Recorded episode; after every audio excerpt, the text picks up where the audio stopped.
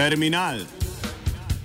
Vedno različni, nikoli isti, reš kolumnisti, isti, isti, isti, isti, isti, isti. Pred dobrima dvema desetletjema je bilo na vsakem koraku mogoče slišati, kako so velike zgodbe definitivno končane. Ne samo, da se ne bodo vrnile za naših življenj, temveč da jih nikoli več ne bo.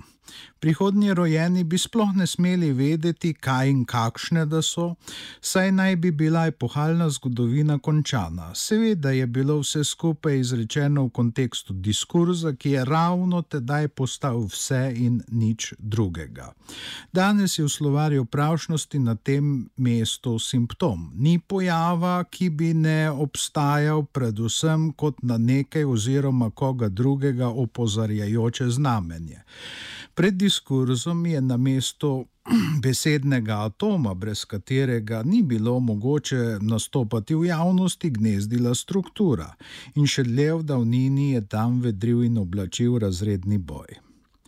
Nekaj pozneje, Pred približno desetletjem in pol se v koncu velikih zgodb ni več izgubljalo besed. Človek se je celo že mogel začeti spraševati, ali je tako zaradi samoumevne točnosti formulacije, ki je poprej polnila vsa ušesa, ali pa zaradi njene pomenske izpraznjenosti in votlosti.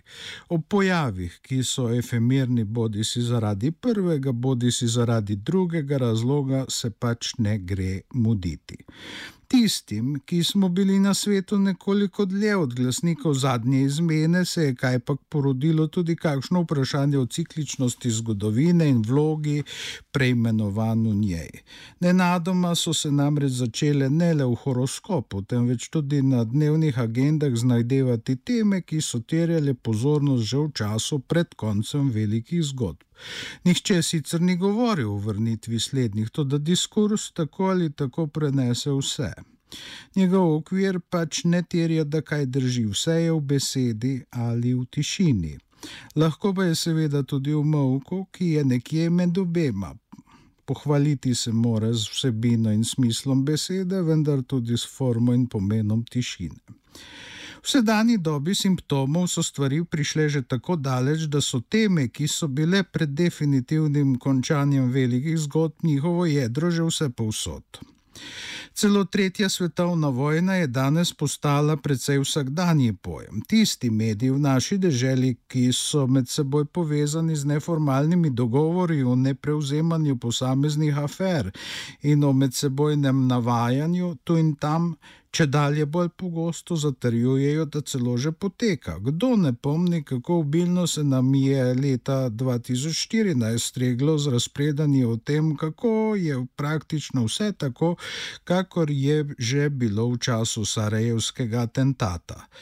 Ni bilo stvari, ki se ni razglasila za podobno antikvarnemu svetu Belepok, čeprav se je medtem na svetu zvrstilo več revolucij kot kdajkoli prej, da ni bi ničesar spremenile, je kljub njihovi izjalovljenosti ne samo neverjetno, temveč tudi nemogoče. Saj da nimo nikjer več ni nekdanje vere v posvečujočnost umetnosti, ki je bila pred prvo svetovno vojno več kot zgodovina zgolj opi za intelektualce.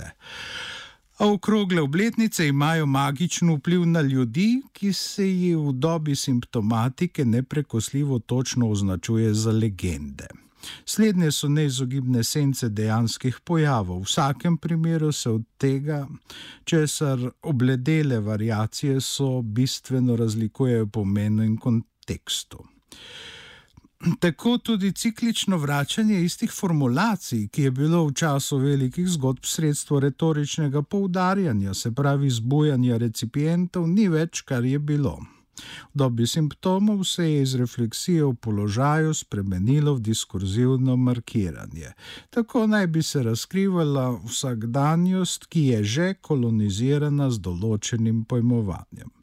Toda svetovna vojna nikakor ni vsakdanja tema. Takšna ni bila niti v času pred iztekom velikih zgodb, tudi dan danes kot simptom ni. Po drugi industrijski revoluciji, ki je v 19. stoletju na mesto velike, velike spremenjevalke sveta v elektriki in motorjih z notranjim izgorevanjem postavila tudi kemijo in bo kar presenetljivo naglem vstopu sveta v nuklearno epoho, ne more biti vsakdanja niti kot diskurzivni atom.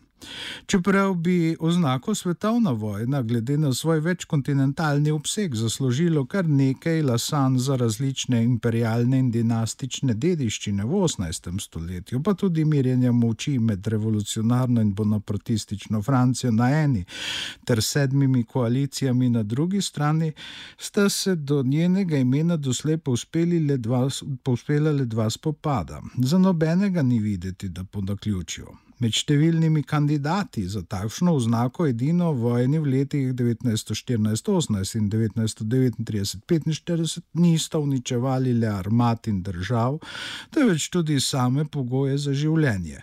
Ob nekaterih pojavih so besede, ki jih zaznamujejo, očitno nekaj več kot zgolj konvencionalistično opredeljena znamenja. Gre seveda za tiste izraze, ki naj evocirajo nekaj ultimativnega, nekaj, pri čemer v pogojih za življenje izgine tudi sleherna možnost diskurza, pa celo simptomatika. Besede v tretji svetovni vojni vsekakor so takšne, v njih ni prostora za neskončne možnosti razprave v vseh smereh in na sleherni ravni. Da se jo samo prerokovati, ne pa tudi verodostojno opisovati. Zanemarljivo malo ga je tudi za simptome, zlasti če pomislimo na to, kaj je v tretji svetovni vojni povedal Albert Einstein, da ne ve, kakšna orožja bodo uporabljena v njej, znano pa mu je, da se bo četrta bojevala z gorjačami in kamni. Seveda, brezkonkurenčni mediji menijo drugače. Vedno znova se trudijo dokazati, da je tretja svetovna vojna nekoč ne mara bila zelo posebna tema, se ni puščala praznega prostora za kakršno koli diskurzivno zapolnitev, to da v času po koncu velikih zgodb je čisto običajna in vsakdanja. Ob njej si prizadevajo slediti najbolj togi strukturalistični maniri in se delajo, kakor da ne priznavajo upoštevajo izjem v konvencionalističnih poimenovanjih, uprizarjajo egalitarnost sleherne besede, a to je lepo za. Če jim takšna egalitarnost ob tretji svetovni vojni na diskurzivni ravni še kar nekako uspeva in se ljudje ob tej temi ne zgrozijo več, medtem ko okoli leta 1960 zaradi nje niso mogli spati, pa jim nikakor ne v nekaterih drugih primerih. Osebno imenska besedna atoma Franz Kangler in Borod Pahor sta denimo v omenjenih medijih že postala takšna, da ob njiju resna debata ni mogoča, preprosto ni prostora za njo. Tu ni načelne egalitarnosti besed in zgolj konvencionalistično določenega pomena, temveč je na delu nekaj absolutnega in dokončnega, tudi dokončanega, celo v simptomatiki. Za čas po koncu velikih zgodb je takšno stanje načeloma presenetljivo, poprej seveda ni bilo tako. Vsakdo je tedaj razumel, čemu ob nekaterih imenih ali utvarah ni možnosti neomejenega diskurza. Bila, bili sta pač dve svetovni vojni in ljudje, za katere se je vedelo, da so jo zakuhali in v njih zagrešili hudodelstva, ki jih je mogoče misliti le s skrajno koncentriranim naporom. Njihova imena niso bila kot druga, a to je vsekakor sodilo v območje velikih zgodb in na nje se ni dalo reagirati enako kot na efemernosti. Danes se dela, kakor da ni temelja za takšno razlikovanje. Načeloma bi bilo mogoče o vsem govoriti na enaki ravni, kakor se denimo to počne ob tretji svetovni vojni in najrazličnejših vsakdanjostih, ali pa biti iz Wittgensteinovskih razlogov tiho. Tudi z miselno konsistentnostjo, ki se ji pravi logika, se v dobi simptomom ne pride daleč. Zdaj postaje jasno, kaj pomeni volja. Simptomi so pač le njeni nasledki, pa naj upravljajo vlogo štukatura ali karjatit. No, če uporabimo Okhamovo britev, to ne mara najčudovitejše urodje, ki ga je svetu zapustila srednjeveška scholastika in njeno pravo ime samovolja. In ta ob nekaterih temah res ne more dopustiti razprave, saj bi drugače ne vedeli, da je tudi v času po diskurzivnem koncu velikih zgodb še vedno enako odločilna, kakor je bila poprej. Terminal je pripravil Igor Gardina.